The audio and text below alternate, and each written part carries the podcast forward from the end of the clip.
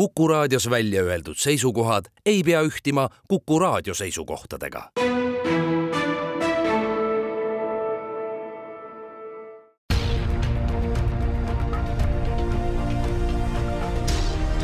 uue samba taga. sammaste taha aitab vaadata sajaaastane eestikeelne rahvusülikool tere, tänane saade tuleb diabeedist ja diabeediuuringust ning bioinformaatika professor Edik Mägi on tulnud kuue samba tagant mikrofon ette teispool lauda Madis Ligi teda usutlemas. diabeet on haigus, mis äh, paraku teeb muret väga paljudele inimestele üle ilma ja see annab tööd ka teadlastele, on ju nii? on küll, et diabeet on, on väga laialt levinud ja prognoositakse, et selle levik laieneb veelgi, et, et kui praegu on üle viiesaja miljoni inimese, kes põevad diabeeti ülemaailmselt, Eestis on nende arv siis üle seitsmekümne tuhande, siis järgnevate dekaadide jooksul ennustatakse, et nende arv tõuseb äh, kuskil selle kaheksasaja miljoni ligi aastaks kaks tuhat nelikümmend viis. seega see on üha laienev üha suurenev probleem, et seda tingib võib-olla siis kaks peamist asja, esiteks see, et, et inimeste elu läheb paremaks aja jooksul, ka arengumaades inimesed toituvad rohkem, tekib rohkem rasvumist, ülekaalulisust, mis siis on üks põhilisteks diabeedi faktoriks, teist tüüpi diabeedi faktoriks, ning lisaks äh, inimkond ka vananeb, see on äh, paljuski vanade inimeste haigus, et selle risk suureneb oluliselt peale viiekümnendat, kuuekümnendat eluaastat ja mida rohkem on meil maailmas vanu, inimesi, seda rohkem on siis ka diabeetikuid. kui me räägime diabeedist üldisemalt, siis diabeeti tegelikult on mitut väga erinevat sorti, et see, millest mina nüüd räägin selles saates, on teist tüüpi diabeet ja see on siis nii-öelda metaboolne haigus, see on ainevahetushäire ja on seotud ennekõike inimeste rasvumisega, teine diabeeditüüp on, on siis esimest tüüpi diabeet, mis on autoimmuunhaigus, seda sagedamini äh, diagnoositakse juba äh, varasemas äh, eas, enamasti juba lastel. Vanasti neid eristatigi kui laste diabeet ja täiskasvanute diabeet, aga nüüdseks on siis see piir mõnevõrra hägustunud, sest et ähm, on olemas ka nii-öelda LADA ehk siis äh, hiline autoimmuundiabeet inimestel või hilisemas eas esinev autoimmuundiabeet, mis siis on esimest tüüpi diabeet, mis vallandub alles täiskasvanu eas ning samuti kuivõrd ka lapsed on rohkem rasvunud, siis on ka nüüd teist tüüpi diabeeti lastel, seega siis seda piire nii, nii täpselt ei ole nii et eh, kui segisu on väga suur ja mõõtu ei oska pidada, siis on see diabeet väga suure tõenäosusega kallal, vähemalt eeldused on loodud, et kui oled eh, kõhna ja vibalik, eh, siis see haigus nii kergelt külge ei tule. jah, nii on ja Eestis on nüüd täiskasvanute seas diabeedi esinemissagedus üheksa protsenti, mis siis tähendab tõesti, et, et kui Eestis on ligemale miljon üle kahekümne aastast inimest, ütleme, võtame sealtmaalt, siis äh, nendest äh, jah, üle seitsmekümne tuhande on, on diabeetikud ja see puudutabki siis tõenäoliselt inimesi, mitte tõenäoliselt, vaid neid inimesi, kes on äh, ülekaalus või rasvunud, kui sul kehamassiindeks on normi piires, siis diabeedi saamise tõenäosus on väga-väga väike. samas, kui sa oled rasvunud ja juba eakam, siis selle tõenäosust hakkavad mõjutama ka muud faktorid, näiteks geneetika, kus siis inimeste diabeedi riski võib nagu mitu korda muuta äh, see, kas su geneetiline risk on kõrge või madal kas on nii, et paraku Eesti käib siis maailmaga ühte jalga, ehk diabeedihaigeid on ka meil järjest rohkem, sest ka meil on elus muutused toimunud ja söögilaua ääres käitume ka teistmoodi kui tavaliselt varasemalt? paraku jah, et, et äh, meil on ka diabeet läinud oluliselt sagedasemaks ja prognoositakse, et ta läheb ka ja edaspidi veel sagedasemaks ja seda siis ühest küljest jah, tänu sellele, et, et inimesed on kogukamad ja teisest küljest ka tänu sellele, et, et äh, Eesti tervishoiusüsteem äh, töötab väga hästi ja inimesed elavad vanemaks ja kuivõrd see on vanema inimese haigus, siis jällegi mingil hetkel need haigused tekivad ja üks neist haigustest saab olema siis diabeet nüüd siis aga selle uuringu juurde, mille on algatanud äh, Genomica Instituut, kelle seast te selle läbi viite? see on siis nüüd uuring, kus me proovime leida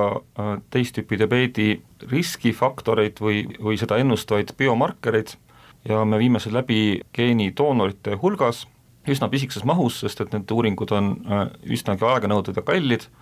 aga meie plaan on siis kutsuda kokku kolmsada äh, diabeetikut ja sada inimest, kellel ei ole diabeeti, ning siis teha neile erinevaid mõõtmisi, vaadata nende genoomi, vaadata nende äh, ainevahetusjääke ehk siis metaboliite, vaadata nende valke, valguprofiili ning lisaks siis me teeme neile ka niisuguse optoakustilise mõõtmise, kus me hindame nende veresoonte tervist, kus me siis vaatame, et, et, et kas nende veresooned on saanud kahjustada seal nagu veres oleva liigse suhkru tõttu mitte. ja me eeldame siis, et, et inimesed, kellel äh, on veresooned rohkem kahjustusi, et neil tekivad siis äh, diabeediga äh, koos erinevad komplikatsioonid, et, et kõige sagedasemad komplikatsioonid on siis diabeetiline jalg, kus siis ähm, veresoonte kahjustuse tõttu on jalgade verevarustus häiritud, mis võib viia siis ka lõpuks jala amputeerimiseni suisa samamoodi on, on sagedased, on verevarustushäired näiteks silmas, mis siis võib viia pimedaks jäämiseni, verevarustushäired äh, neerudes, äh, närvisüsteemis ja, ja mujal. ning samuti siis võib tekitada ka siis nagu erinevad äh, kardioskaalsed haigused, mis on samuti tingitud tegelikult diabeedist algselt nii et äh, võtate uurida nii need inimesed, kes on juba äh, diabeetikud, äh, kui ka need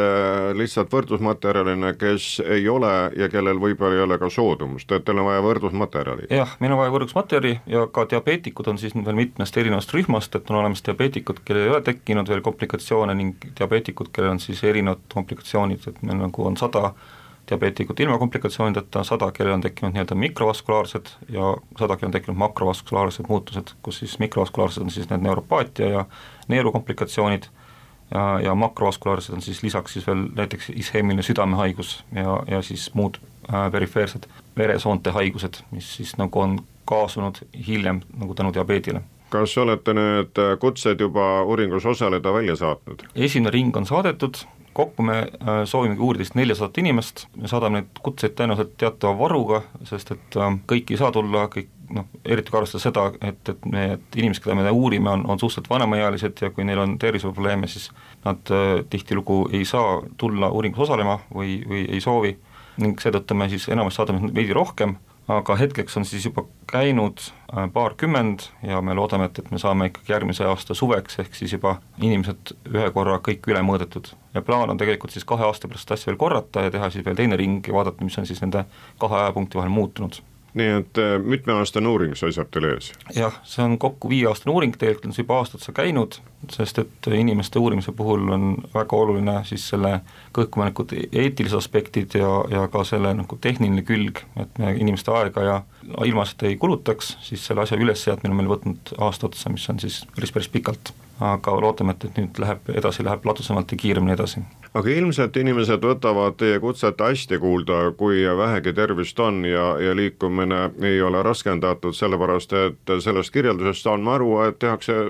täielik ülevaatus, et ma saan informatsiooni oma tervise kohta ja võimalike ohtude kohta. Jah, siiski tegemist on veel teadusuuringuga, mis on nagu alusteadus, et ta ei ole meditsiiniline uuring, et, et see ei ole nii-öelda kliiniline uuring küll aga me mõõdame siis inimesel äh, erinevat äh, vere biokeemiat ja, ja samuti teeme uriinianalüüsi, nii et kui inimestel on huvi, siis on võimalik ka need analüüsi tulemused saata inimesele pärast emaili teel, et nad saavad neid äh, siis nendega ise tutvuda või jagada oma perearstiga, et see on, annab üsna hea ülevaate siis jah, nende tervisliku seisundi kohta, mida siis arst saab ka hilisemalt kasutada nende tervise hindamisel jah, et kui esimene info on teie käest saadud, siis äh, saab minna perearsti või mõne teise tohtri manu ja äh, siis jätkata uuringuid ja, ja võib-olla võtta ette ravi, kui vaja on. vajadusel jah, aga meie loodame siis nagu pikemas perspektiivis tekitada siis äh, kombineerides kõiki neid muid andmekihte, nagu siis seesama see op-, optoakustiline mõõtmine, mis on siis selline veresoonte ütleme, ultraheli koos geneetikaandmete ja muude andmetega, et, et tekitada siis võimalikult häid prognostilisi mudeleid, mis siis üks hetk muutuvad ka inimestele kättesaadavaks, mille põhjal me saame vaadata nagu terve inimese peal, et kui suur on nende diabeedi risk või diabeedi komplikatsioonide risk nagu tulevases elus.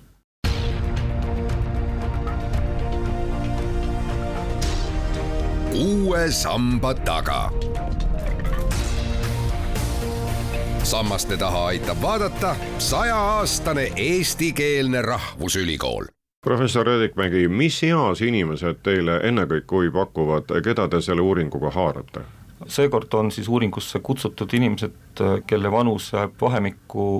kui ma ei eksi, siis nelikümmend kuni seitsekümmend üheksa, et siis ikkagi vanemaealised inimesed, kellel juba on diabeedirisk kõrge. ning see proportsioon naiste-meeste vahel on enam-vähem võrdne, on see diabeedi puhul tähtis? Ikka on, sest et äh, diabeetiga haigestumine tegelikult on naistel-meestel veidi erinev ja selle riskifaktorid võivad olla mõnevõrra erinevad, sest et äh, diabeedile eelnevad erinevad nagu ütleme nagu eeldiabeedid, mille äh, sagedused on meestel-naistel erinevad, seega siis see võib näidata seda, et meeste-naiste äh, nii-öelda see diabeet võib olla ka ise veidi erinev. et, et, et jah, see on oluline ja me võtame kõik äh, sedasorti asju arvesse. Diabeeti saab üldse, kui me räägime täiskasvanute diabeedist, et seal on palju erinevaid vorme, on näiteks vorm, mis siis on, tekibki väga-väga rasvunud inimestel, on diabeedi vorm, mis tekib nagu pigem väga vanadel inimestel. Ja siis on veel ka nagu erinevad autoimmuunvormid, seega et, et neid vorme tegelikult on nagu rohkem, neid klassifitseeritakse äh, tegelikult äh, paljudesse äh, nagu pisematesse osadesse nii-öelda ja need äh, alluvad ravile erinevalt ja ka nende inimeste siis nagu ütleme, tõenäosus saada kaasuvaid haigusi on erinev, et seega siis tegelikult diabeet et kuigi me nimetame seda üheks haiguseks, siis tegelikult selle all on väga palju pisikesi ja mõnevõrra erinevaid haiguseid. Kas need, kes teie uuringuga on haaratud, on geenidoonorid või pole see vahet, kas sa oled geenidoonor ja seal andmebaasis sees või oled sa nii-öelda tavakodanik? see on, puudutab küll ainult geenidoonorid, sest et äh, meie tagasi saame kutsuda inimesi, kes siis on geenidoonoriteks astunud ja kelle puhul meil on siis teada, et kas neil on diabeet või ei ole diabeeti, et, et äh, selleks, et, et inimene, kes ei ole geenidoonor, saaks uuringuga liituda, ma kardan, et, et praegu see võib olla natuke keeruline, oleks siis nagu geendoonoriks astumine siis pärast teadaandmine, et, et ol-, ollakse asjast huvitatud. et äh, praegusel hetkel vist geenivaramu äh, väga nagu kiirelt ei, ei, ei laiene, aga vist igal aastal jätkuvalt siis on mingi hulk inimesi, kes, kes liitub geenivaramuga. aga ma loodan, et, et need teadustulemused, mis sellel põhjal tehakse, et need saavad olema kunagi äh, kättesaadavad siis läbi meditsiinisüsteemi, see tähendab seda, et kõikidele inimestele. kuid vaatame nüüd asja laiemalt, meie teeme siin oma uuringud, õigemini teie teete meil oma uuringut, kas mõnes teises riigis kolleegid tegelevad sama asjaga, et te saate siis võrdlust teha? jah, seesama projekt on tegelikult äh, laiem, et meie põhilised partnerid on Saksamaalt, äh, Müncheni Tehnikaülikoolist ja siis Helmholtzi keskusest ja täpselt samasugune uuring tehakse siis äh, äh, kliinikutes Münchenis, kus siis nende maht on ka veidi suurem, et kui meil on nelisada inimest, siis nemad uurivad kaheksasada inimest ja pärast pannakse andmed kokku ja tehakse siis nagu ühised riskimudelid. et, et jah, see puudutab rohkemaid inimesi aga oluline on siin tähendada ka seda, et nagu maailmakogemus ütleb, selle diabeediga käivad sageli ka kaasuvad haigused veel, nii et informatsioon, mis tervise kohta ja tema näitajate kohta tuleb, on ikkagi väga eluliselt vajalik. jah, on küll, sest et äh, diabeet on, on ka väga oluline surmapõhjus vanemas eas ja teadmine, et millised kaasuvad haigused sellega võivad tulla, kuidas neid ära hoida või, või vähemalt edasi lükata, on väga-väga oluline no mõni on öelnud, et kui teed korralikku trenni ja regulaarselt teed, et siis suudad äh, nende vaegusi vähendada ja diabeet ei ole nii suureks mureks. kas teadlane sellist äh, käitumist äh, soovitab? ilmselgelt, et, et kellelegi ei saa seda nagu pahaks panna ja, ja kindlasti see ka aitab, et, et kui teha regulaarset trenni, proovida ikkagi tervislikult toituda, mitte suitsetada ja nagu lähtuda nagu tervisliku eluviisi põhimõtetest, siis loomulikult see aitab väga-väga palju äh, vähendada diabeedi ja sellega kaasuvate haiguste riski. ja ka, kui siis diabeet on saadud, et siis äh, ikkagi tuleks hoida suhkrut äh, kontrolli all, et, et, et ei, ei, olukord ei halveneks. ja eks üks siis nendest nii-öelda personaalmeditsiini alustaladest ongi tegelikult see, et, et, et ta on nii prognoosiv kui ka tegelikult ta eeldab inimese äh, enda vastutust või enda osalust et, et, et inimene peab hakkama äh, rohkem siis ise panustama oma tervise hoidmisesse, läbi siis treenimise, läbi äh, mõistlikuma toitumise, võib-olla vähendama alkoholi tarbimist ja, ja kõike muud, sest et äh, kokkuvõttes on ta endale, loomulikult see on ka ühiskonnale hea, sest see hoiab kokku ravikulusid, see hoiab kokku arstide aega, aga see on ka talle endale kasulik, sest et see oluliselt pikendab tema ilma haigusteta elatavat elu tuleb olla järjekindel, nii nagu ravi on pidev selle haiguse puhul, nii ka see treening peab olema ikkagi pidev. jah, et, et kas või natukene, aga, aga kogu aeg, et, et ei auke sisse millega teadlased veel seoses diabeediga tegelevad, mis on tulnud üles, mis tasub uurimist, ehk kuidas te saate haigetel veel kasulikud olla? Neid, kui ma nüüd rääkisin kahest äh, diabeeditüübist, siis kolmas kõige sagedasem diabeeditüüp on rasedusdiabeet, mis tekib äh, naistel äh, raseduse vist teisel trimestril kõige tihedamini. Ja sel puhul siis tekib nii-öelda diabeet raseduse ajaks ja see enamasti läheb üle peale raseduse lõppu, et me oleme läbinud selle geneetilise uuringu suhteliselt hiljuti ja selle tulemused ilmusid eelmisel aastal, kus me siis leidsime, et, et see haigus on, on suuresti sarnane teist tüüpi diabeedile, ent siiski tal on ka natukene äh, veidi teine äh, geneetiline ja bioloogiline taust, et ta on rohkem seotud äh, hormonaalse tasakaaluga. lisaks siis me plaanime vaadata ka nüüd veel geenivaramu diabeetikuid, kellel on olemas täisgenoomi andmeid, neid täisgenoomi andmeid me tekitame loodetavasti juurde järgnevate aastate jooksul, ehk leida siis veel inimesi, kellel on diabeeditüüp, mis tegelikult on põhjustatud konkreetsest geenimutatsioonist. et äh, diabeedi puhul on ka olemas äh, nii-öelda monogeenseid või ühe geeni äh, haiguseid, mis, mis seda diabeedi, diabeediseisundit põhjustavad ja jällegi ravi ja, ja, ja siis nagu prognoosi seisukohalt on väga oluline teada, millise diabeediga täpselt inimesel on tegemist. ka on tegelikult äh, väga palju inimesi, kellel on juba diabeet, aga see on diagnoosimata, et, et äh, arvatavasti umbes pooled inimesed, kellel on diabeet, tegelikult seda diagnoosi ei ole, aga nad tegelikult käivad ringi, neil juba on haigus olemas aga meie plaan on siis jah, nüüd võtta ka ette täissekventsi andmed ja vaadata siis inimesi, kellel on olemas nii-öelda see monogeenne diabeet, ja vaadata, et, et kui hästi me suudame siis neid prognoosida või mitte neid prognoosida, aga, aga äh, näha nende erinevusi siis teistest äh, diabeedivormidest. seda me kavatseme teha Tartu Ülikooli äh, kliinikumi koostöös tänase jutu kokkuvõte võiks olla see, et kui te saate kutse geenidoonorid, et osaleda selles diabeedi uuringus, siis äh, tulge teadlastele appi ning äh, kutse pöörake täitmisele. Et äh, mitmeaastane uuring on käimas, see kasvatab ainult meie teadmisi, et diabeedist rohkem teada, seda paremini ravida ja et inimestel oleks kergem, nii et mõne aasta pärast saame siis kuulda, mis te teada saite, milline on siis see üldistus? jah, loomulikult, et jah, ja palun tulge ja ma loodan, et me suudame tagasi võimalikult palju nii praegu nendele geenidoonoritele kui ka siis hiljem ühiskonnale. aitäh saatesse tulemise eest ja teabe jagamise eest, bioinformaatika professor Hedik Mägi, küsija oli Madis Ligi.